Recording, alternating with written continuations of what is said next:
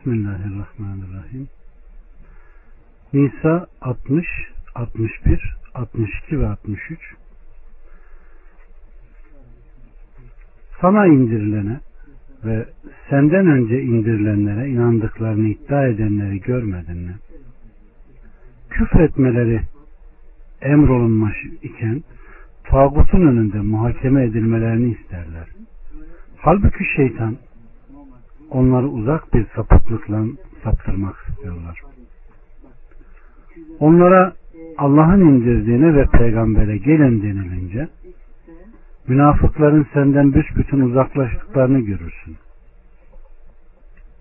Kendi işlerindeki yüzünden başlarına bir musibet geldiğinde nasıl hemen sana geldiler de gayemiz sadece bir iyilik etme ve ara bulmaktan ibaret idi diye yemin ediyorlar. Onlar öyle kimselerdir ki kalplerindekini Allah bilir. Sen onlara aldırma da öğüt ver. Haklarında tesirli sözler söyle. Allah subhanahu ve teala bu ayet-i kerimede kardeşlerim Aleyhisselatü Vesselam'a ve daha önce geçen peygamberlere inzal olunanlara iman ettiğini iddia etmekle birlikte ihtilafların çözümünde Allah'ın kitabıyla Resulünün sünnetinden başka şeylere hakim, hakem kılmak isteyenleri kötülemekte ve onların bu davranışlarını hoş karşılamamaktadır. Bu ayeti kerimenin uzun sebebi olarak zikredilenlere göre bu ayet ensardan biriyle bir Yahudi hakkında nazil oluyor. İhtilafa düşüyorlar ve Yahudi benimle senin aranda Muhammed hakemdir diyor. Öteki benimle senin aranda Kab İbni Eşraf hakemdir diyor. Ve bu adam zahiren Müslüman olup cahiliye hakimlerini hakem kılmak isteyen bir grup münafık hakkında ve bu ayet nazil olmuştur. Ancak ayeti kerime muhtevası genel olup kitap ve sünnetten yüz çevirerek bunlar dışındaki batılları hakem kabul eden herkesi kötülemektedir. Ayetteki tağuttan da bu kastedilmekte. Yani Allahu Teala tağutun önünde muhakeme edilmelerini isterler buyurmuştur. Allah subhanahu ve teala onların, münafıkların senden büsbütün uzaklaştıklarını görürsün buyuruyor. Onlar büyüklenerek inkar edenlerin yüz çevirmeleri gibi senden yüz çevirip uzaklaşırlar. Allahu Teala müşriklerden haber vererek diyor ki onlara Allah'ın indirdiklerine uyun denince hayır biz atalarımızı üzerinde bulduğumuz yola uyarız derler. Lokman 21 Bunlar ve diğerleri yani müşrikler ve münafıklar Allah subhanahu ve teala'nın aralarında hüküm verilmek üzere Allah'a ve Resulüne çağrıldıkları zaman müminlerin sözü sadece işittik ve itaat ettik demekten ibarettir. Müminlerin zıttına bunlar ne yapar? Hareket ederler. Allah subhanahu ve teala münafıkları kötüleme saadetinde ise kendi işledikleri yüzünden başlarına gelen musibetlere takdir onları sana sürükleyip getirdiği zaman onlar nasıl hemen sana geldiler ve bu musibetler yüzünden nasıl sana muhtaç oldular? Allahu Teala onların durumu hakkında devamlan diyor ki nasıl hemen sana geldiler de gayemiz sadece bir iyilik etme ve ara bulmaktan ibaret edip ibaretti diye yemin ediyorlar. Senden özür diliyorlar. Senden başkasına gitme ve senden gayrısı önünde muhakeme edilmemizi mi istemekten gayemiz sadece iyilik etme ve ara bulmaktan. Yani bu muhakeme edilmenin sıhhatine inandığımızdan değil, sırf idare ve yapmacık kabiliğinden idi diye yemin ediyorlardı. Allah subhanahu ve teala kalplerinde hastalık olanların bize bir felaket gelmesinden korkuyoruz diyerek onlara koştuklarını görürler.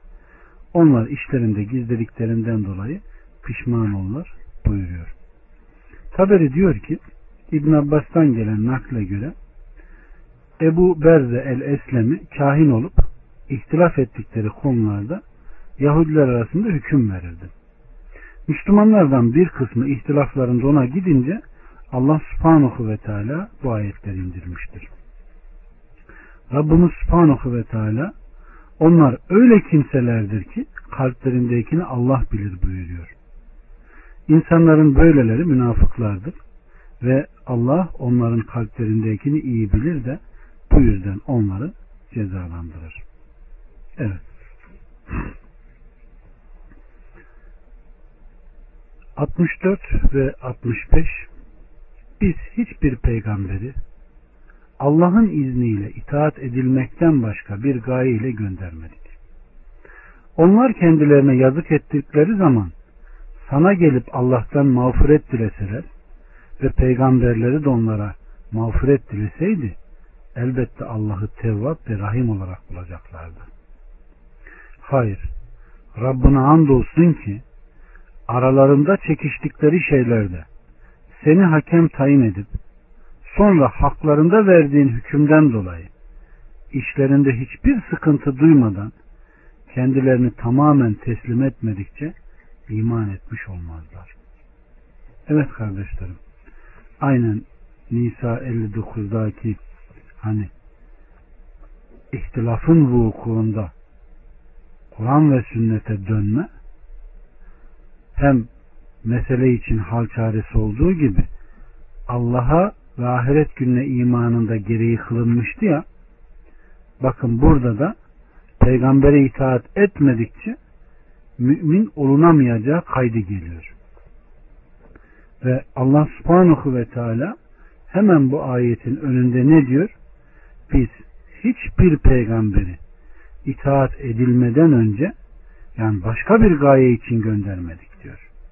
Ve hepsi de Allah'ın izniyle diyor. Şimdi bu ayet-i kerimelerin nuzul sebebine baktığımızda Ensarla Zübeyir arasında bir anlaşmazlık gündeme geliyor. Ensar diyor ki suyu bırak ben sulayacağım. Zübeyir diyor ki benim diyor bahçem, tarlam senden önce. E benim sulamam gerekir derken ikisi nizalaşıyorlar ve aleyhissalatü vesselam Efendimizin huzuruna geliyorlar. Yok sağ olun. Allah Resulü Aleyhisselatü Vesselam ikisini de dinliyor. Zübeyir tarlanı sula bırak sonra Ensar sulasın diyor.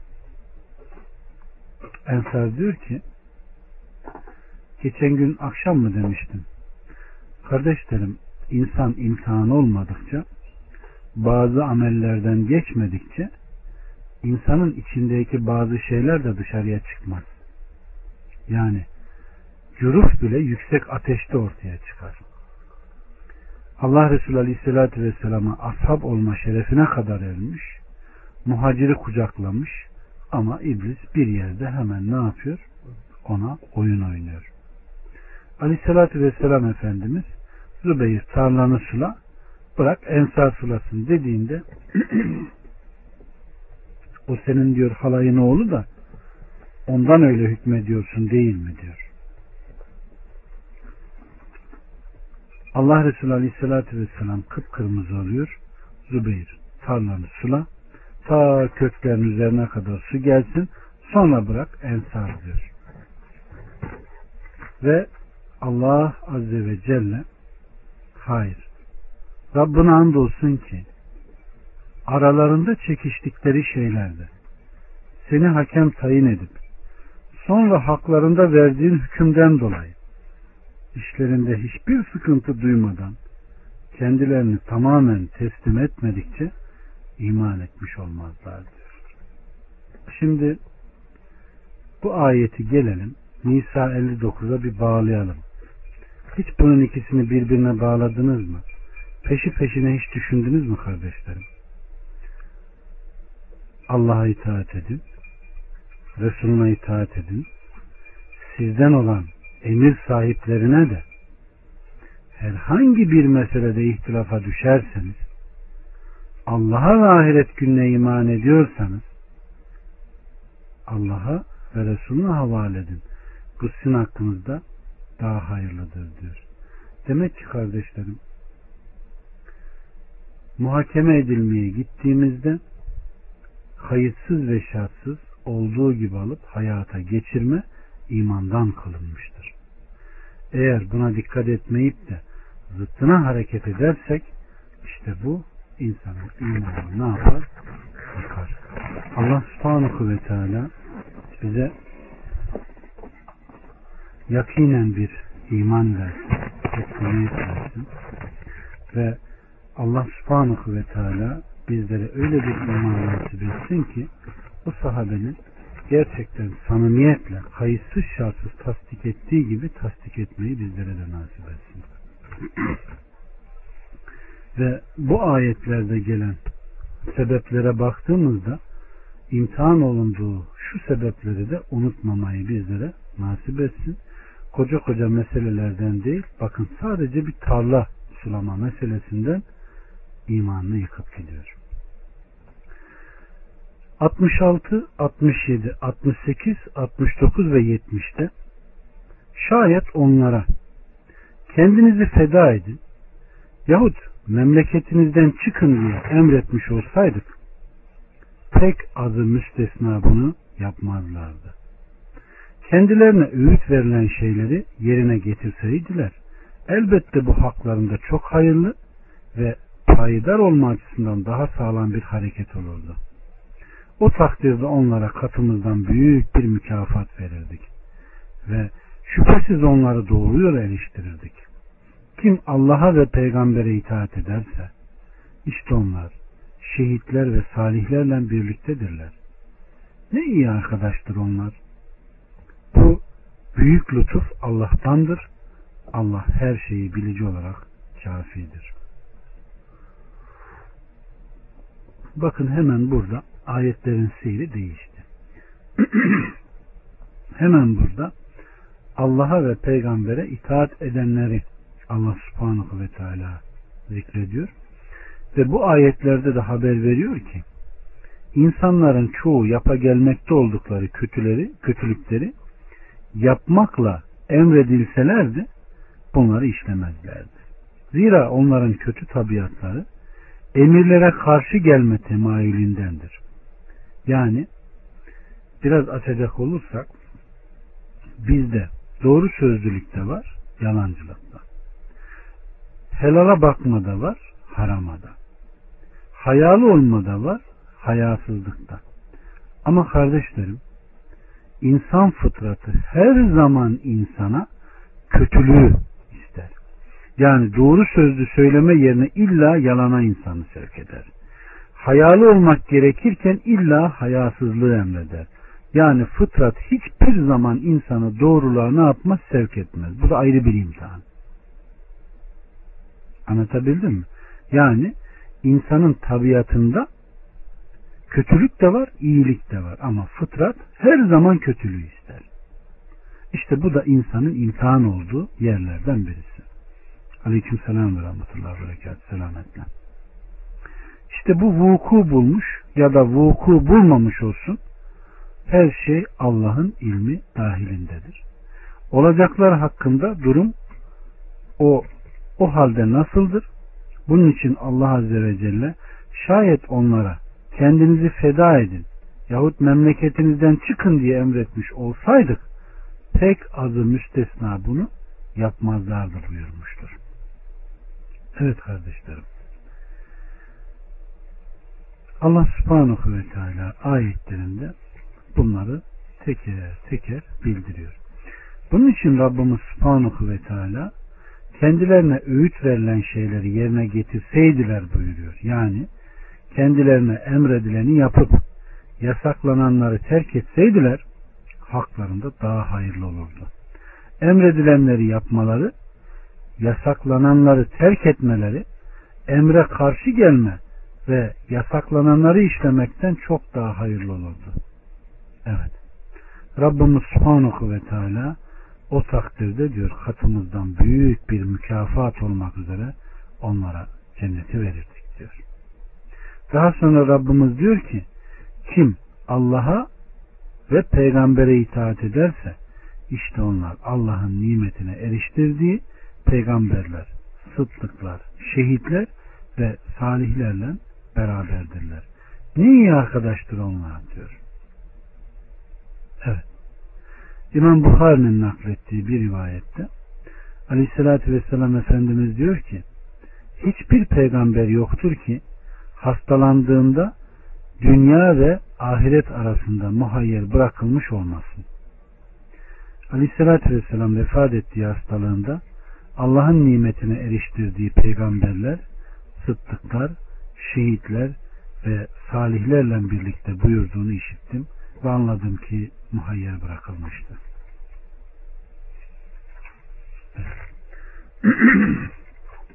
71, 72, 73 ve 74 Ey iman edenler! Korunma tedbirinizi alın da silahlanarak birlikler halinde veya toptan seferber olun. Aranızda pek ağır davranacak olanlar da var. Size bir musibet geldiği takdirde Allah bana gerçekten lütfetti de onlarla beraber bulunmadım der. Şayet Allah'ın büyük bir nimetine mazhar olursanız andolsun ki sizinle bir dostluk ve tanışıklığı yokmuş gibi keşke onlarla beraber olsaydım da ben de büyük bir başarıya erişseydim der. O halde dünya hayatını ahirete satanlar Allah yolunda savaşsınlar. Allah yolunda savaşan kimse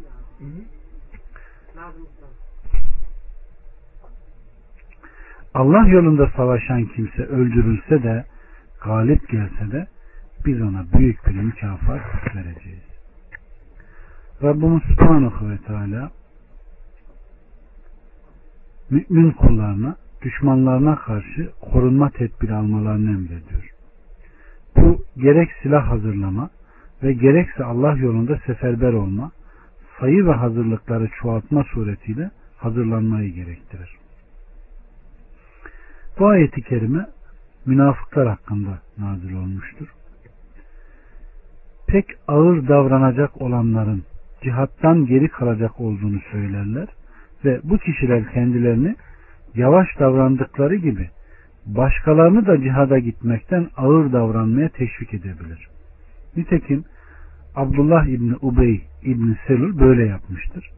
Kendisi cihattan geri durduğu gibi insanları da cihada çıkmaktan alıkoymaya çalışırdı. O halde seferber olan müminler dünya hayatını ahirete satanlarla küfürleri ve imansızlıkları sebebiyle dinlerini az bir dünya malı karşılığında satanlarla Allah yolunda Allah için savaşsınlar. Allah yolunda savaşan kimse öldürülürse de galip gelse de biz ona büyük bir mükafat vereceğiz demiştir. Allah için Allah katında büyük sevap ve bol ecir vardır. Nitekim Bukhari ve Müslim'de gelen rivayette Allahü Teala kendi yolunda savaşan mücahiti şayet ölürse cennete koymayı ya da çıkmış olduğu evine ecir ve ganimete nail olmuş ise olmuş bir şekilde dönmeyi de tekeffür etmiştir. Burada olsaydınız size birer kekik ikram ederdik. Baktım boğaz gidiyor, kekik iyi geliyor. 75-76 Size ne oluyor da Rabbimiz halkı zalim olan şu şehirden bizi kurtar. Katından bize bir sahip gönder. Bir yardımcı yolla diyen zavallı çocuklar, erkekler ve kadınlar uğrunda ve Allah yolunda savaşmıyorsunuz. İman edenler Allah yolunda savaşırlar. Küfür edenler ise tağut yolunda harp ederler. O halde şeytanın dostlarıyla savaşın. Şüphesiz ki şeytanın hilesi zayıftır. Allah Azze ve Celle iman eden kullarını kendi yolunda cihada savaşmaya ve Mekke'de kalmak zorunda olan zayıf erkek, kadın ve çocukları kurtarmak için çalışmaya teşvik ediyor. Diyor ki onlar Rabbimiz halkı zalim olan şu şehirden bizi kurtar derler. Evet. Allahü Teala ayeti kerimede bu şehri halkı zalim olan şeklinde niteleyip orada bulunan zavallı ve zayıfların sözlerini ise katından bize bir sahip gönder, bir yardımcı yolla diyerek bizlere bildiriyor. İbn Abbas'tan gelen bir rivayette ben ve annem ayeti kerimede belirtilen zavallılardan idik demiştir. Evet. Sonra Allahu Teala iman edenler Allah yolunda savaşır, küfredenler ise tağut yolunda savaşır buyuruyor. Ki iman edenler Allah'a itaat ve onun rızasını kazanma yolunda harbeder, kafirler ise şeytana itaat yolunda savaşır. Sonra Allahü Teala o halde şeytanın dostlarıyla savaşın. Şüphesiz ki şeytanın hilesi zayıftır sözüyle müminleri düşmanlarıyla savaşa teşvik etmektedir. 77, 78 ve 79 Kendilerine ellerinizi savaştan çekin, namazı kılın, zekatı verin denilmiş. Olanlara bakmaz mısın? Şimdi onların üzerine savaş farz kılınınca işlerinden bir kurup Allah'tan korkar gibi hatta daha şiddetli bir korku ile insanlardan korkuyorlar. Bunlar ey Rabbimiz üzerimize şu savaşı niye farz kıldın? Ne olurdu bizi yakın bir geleceğe kadar geri bıraksaydın dediler. Onlara dedi ki dünyanın geçimi azdır. Ahiret ise müttakiler için elbet daha hayırlıdır ve kıl kadar haksızlığa uğratılmayacaksınız. Nerede olursanız olun, sağlam kaleler içinde dahi olsanız, ölüm sizi bulacaktır. İman etmeyenlere bir iyilik gelirse, bu Allah'tandır. Bir kötülük erişirse de, bu da senin yüzündendir derler. De ki, hepsi Allah tarafındandır. Bunlara ne oluyor ki? Hiçbir sözü anlamaya yanaşmıyorlar. Sana gelen her iyilik Allah'tandır. Sana gelen her fenalık da kendindendir. Seni insanlara peygamber olarak gönderdik. Buna şahit olarak Allah Evet kardeşlerim yine çok önemli ayetlerden bir demet. İslam'ın başlangıcında ve müminler Mekke'deyken namazla, zekatla emredilmişlerdi. Zekatın her ne kadar ölçüleri verilmemiş ise de işlerinden fakir olanlarına yardımcı olmakla emrolunmuşlardı. Belli bir zamana kadar da müşriklere af ve onlara iyi davranma, sabretme emredilmişti.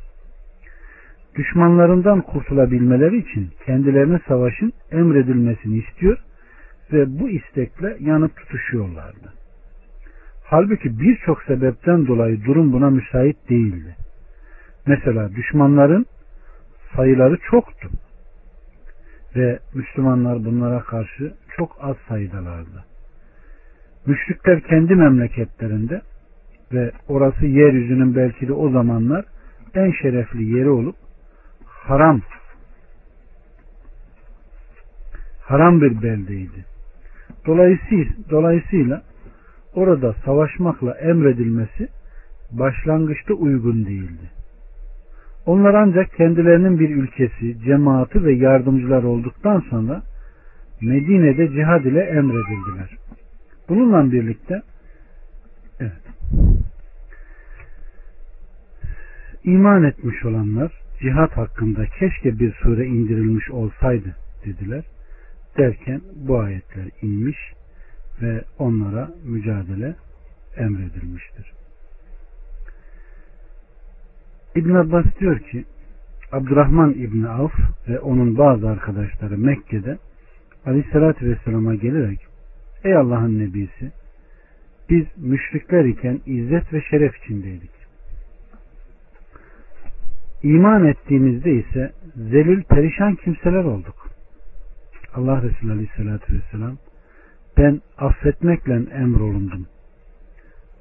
Kavimle, müşriklerle savaşmayınız buyurdu. Allahü Teala peygamberini Medine'ye intikal ettirdikten sonra ona savaşmayı emretti de geri durdular. Bunun üzerine Allahü Teala kendilerine ellerinizi savaştan çekin denilmiş olanlara bakmaz mısın? ayeti kerimesini indirmiştir. Allah subhanahu ve teala onlara dünyanın geçimi azdır. Ahiret ise müttakiler için elbette daha hayırlıdır buyuruyor ki muttaki olan kişinin ahireti dünyasından daha hayırlıdır. Allah subhanahu ve teala ve kıl kadar haksızlığa uğratılmayacaksınız buyuruyor ki siz amellerinizin karşılığını tam olarak alacaksınız demektir. Bu onları inananları dünya üzüntülerine karşı bir teselli, ahirete özendirme ve cihada bir teşviktir kardeşlerim.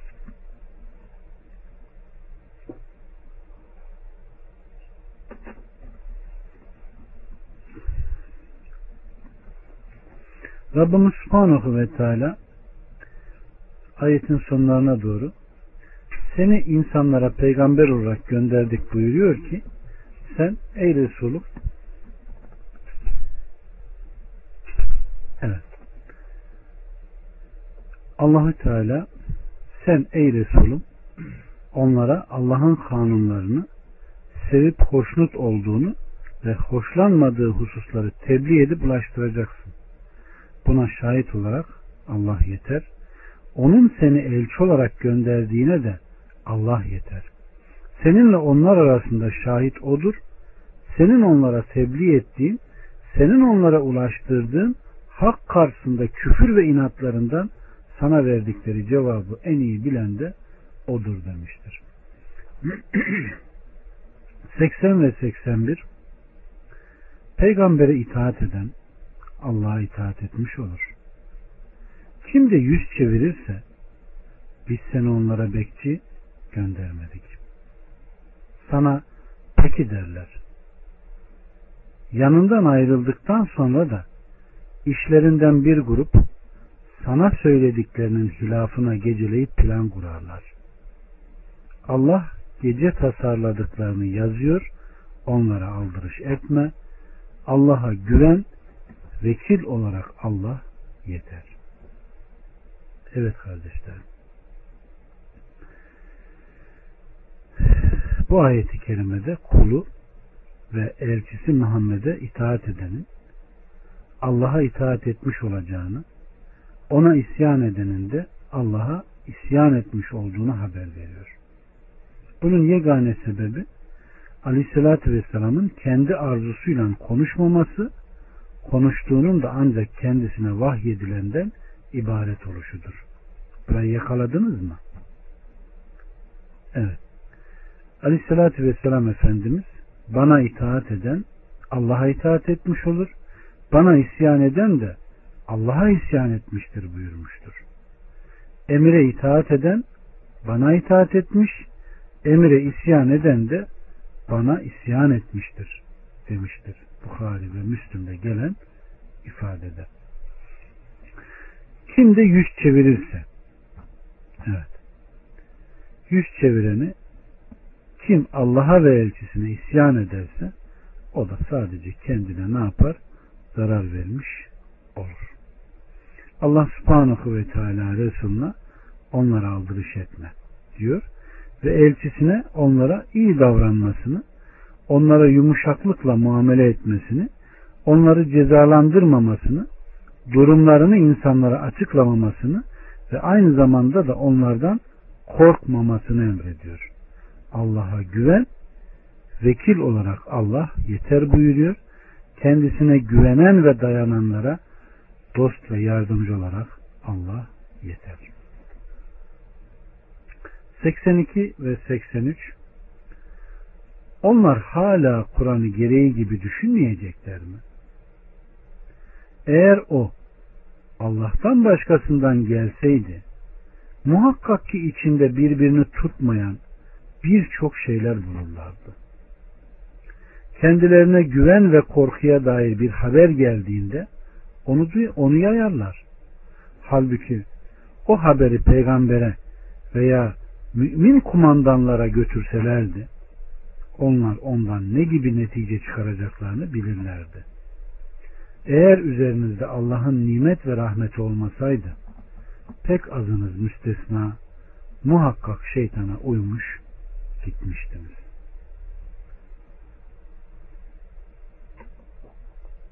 Evet kardeşlerim. Yine ahkam ayetlerinden bir ayet.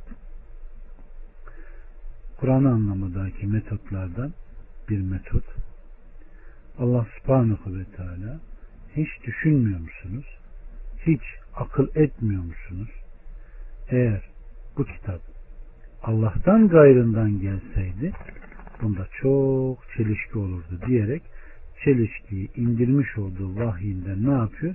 Nef ediyor. Ve daha önceki ayetlerde de açıkladığımız gibi ihtilaf ettiğimizde bizi kitabına ve sünnetine dönmeyi de ne yapıyor? Emrediyor.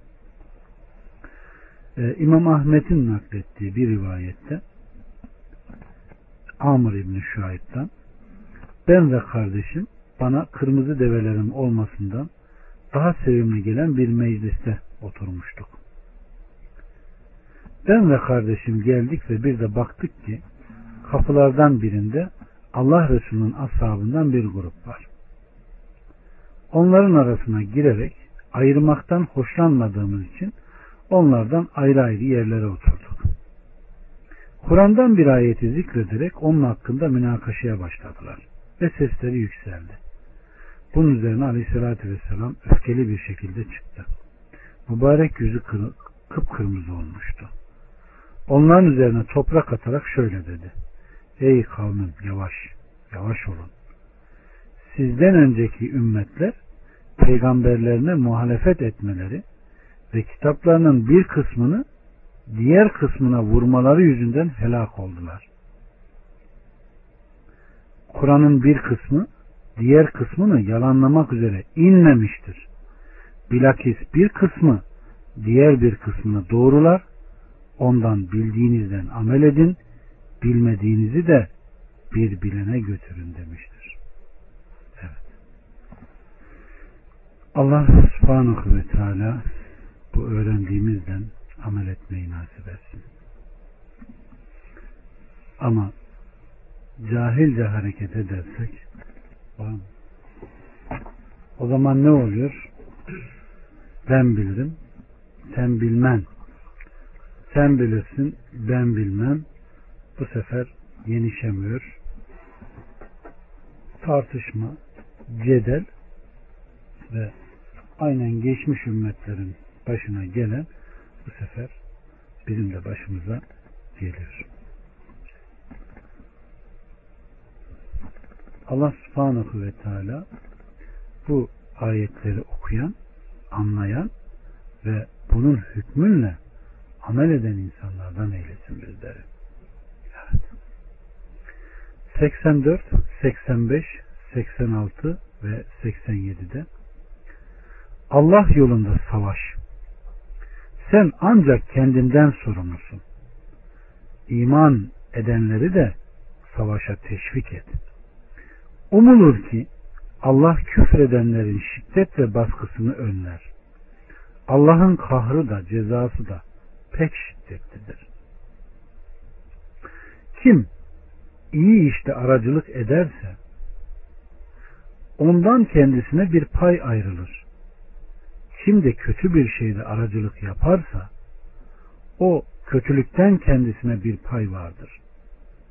Allah her şeye hakkıyla kadir ve nazırdır. Size bir selam verildiği zaman ondan daha iyisi, iyisiyle selam verin. Veya aynısıyla mukabele edin. Muhakkak ki Allah her şeyin hesabını arayandır. Allah ki ondan başka ilah yoktur. geleceğinden şüphe olmayan kıyamet günü sizi mutlaka toplayacaktır. Allah'tan daha doğru sözlü kim olabilir?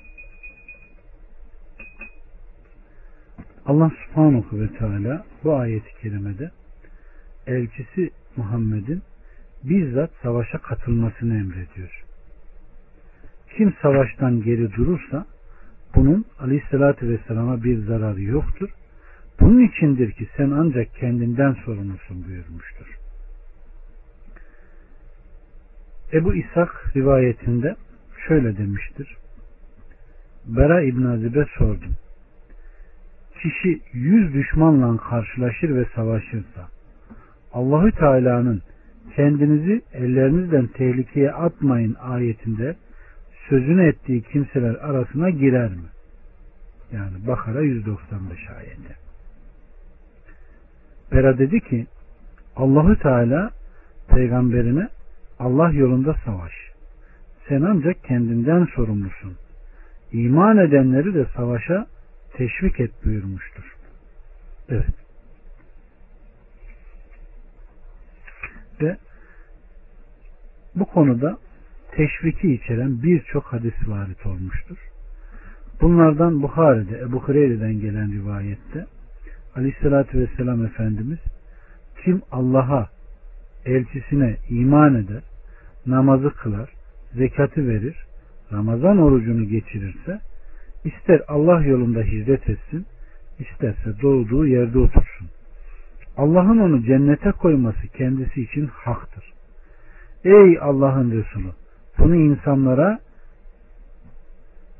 Ey Allah'ın Resulü bunu insanlara müjdeleyeyim mi diye sordular. Aleyhissalatü vesselam cennette yüz derece vardır ki Allahü Teala bunları Allah yolunda savaşanlar için hazırlamıştır.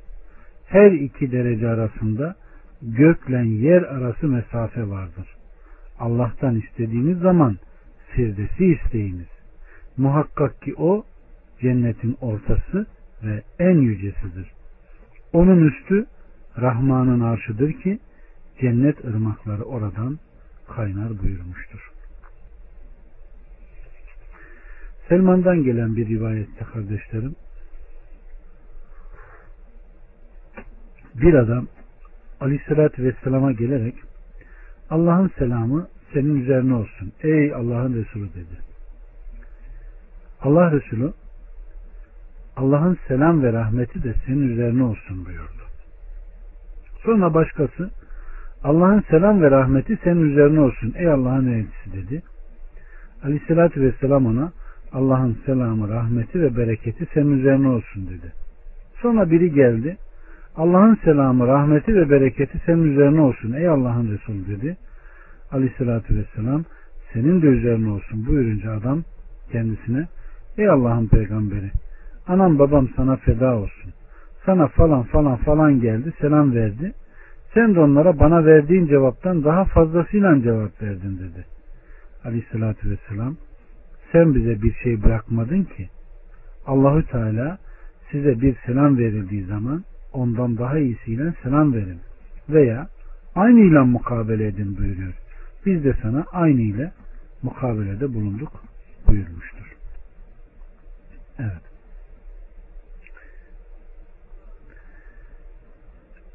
Selam babında aleyhissalatü vesselam Efendimiz Yahudi ve Hristiyanlara ilk selam veren siz olmayın.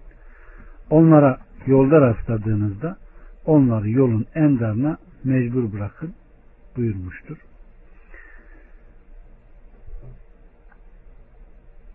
Evet.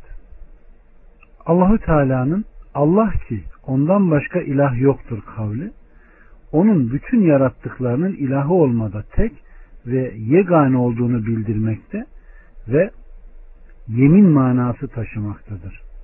Zira allah Teala bundan sonra geleceğinde şüphe olmayan kıyamet günü sizi mutlaka toplayacaktır buyurmaktadır.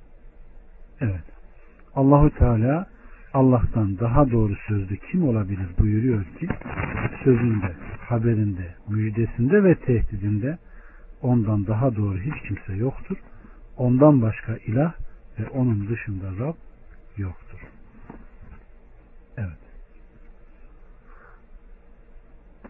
Şu okuyacağım ayeti inşallah çok dikkatli dinleyin. 88, 89, 90 ve 91. Bakın Rabbimiz Subhanahu ve Teala münafıkların hallerinden bir hali nasıl zikrediyor bize. Size ne oluyor ki? Münafıklar hakkında iki tayfa oluyorsunuz. Allah onları yaptıklarından dolayı baş aşağı etmiştir. Allah'ın saptırdığını doğru yola getirmek mi istiyorsunuz? Allah'ın saptırdığı kimse için asla yol bulamazsın. Kendileri küfrettikleri gibi sizin de küfretmenizi isterler. O halde onlar Allah yolunda hicret edinceye kadar işlerinden dost edinmeyin. Eğer yüz çevirirlerse bulduğunuz yerde onları yakalayıp öldürün. Ve onlardan ne bir dost ne de bir yardımcı edinin. Ancak sizinle kendileri arasında bir anlaşma bulunan bir millete sığınanlar ve sizinle savaşmaktan veya kendi milletleriyle harp etmekten e, bunalarak size başvuranlar müstesna. Allah dileseydi onları size musallat ederdi de sizinle savaşırlardı. Eğer sizden uzak durur, savaşmaz ve size barış teklif ederlerse Allah onlara dokunmanıza izin vermez.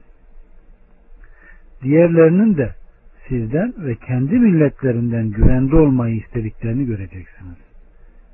Fitneciliğe çağırdıklarında ona can atarlar.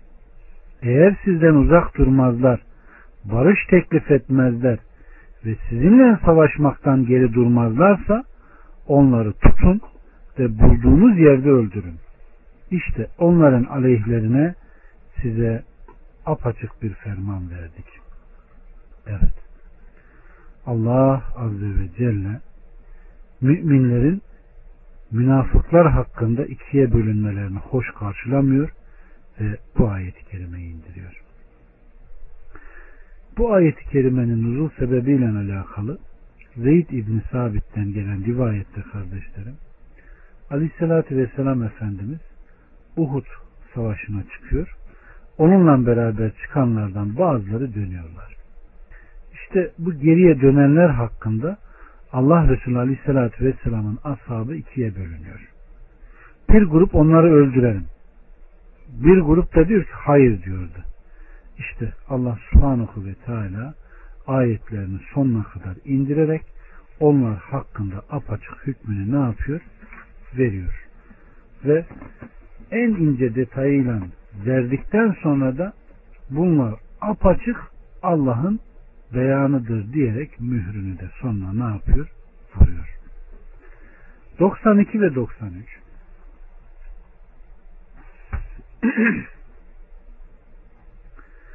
bir müminin diğer mümini hata dışında öldürmesi olur şey değildir. Bir mümini yanlışlıkla öldürenin bir mümin köleyi azat etmesi ve öldürülenin ailesi bağışlamadıkça ona teslim edilmiş bir diyet ödemesi gerekir. Öldürülen mümin düşmanınız olan bir topluluktan ise mümin bir köle azat etmek gerekir. Şayet sizin ile kendileri arasında anlaşma bulunan bir topluluktan ise ailesine verilecek bir diyet ve mümin bir köle azat etmek gerekir.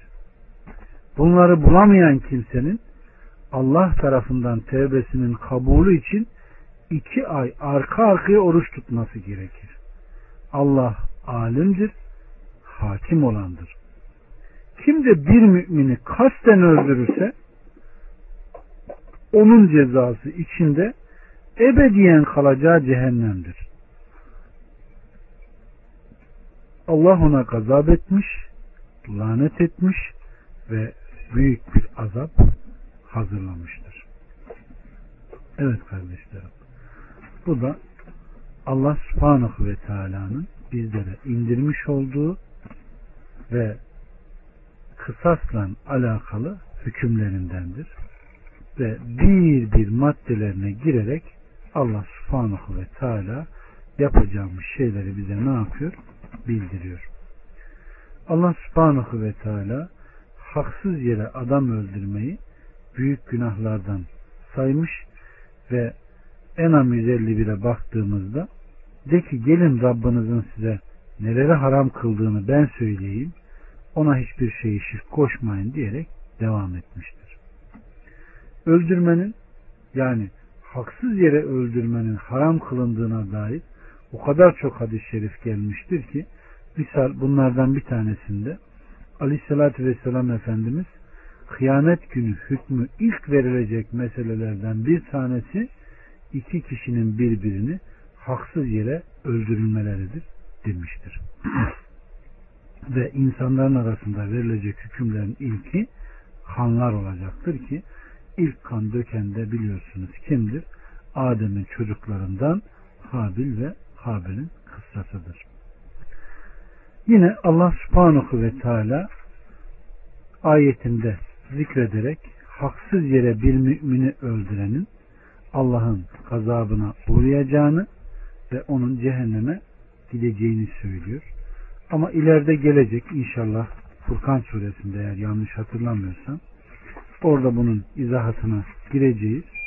Allah subhanahu ve teala kısasta hayat var derken bir müminin bir mümini öldürdüğünde ise ve Allah subhanahu ve teala kısasta hayat var derken e, burada diyeti koyarak Allah subhanahu ve teala maktulün, öldürülenin ailesi tarafından eğer diyet kabul edilirse karşıdan haksız yere öldürülenin karşılığında o insanın öldürülmeyeceğini ne yapıyor?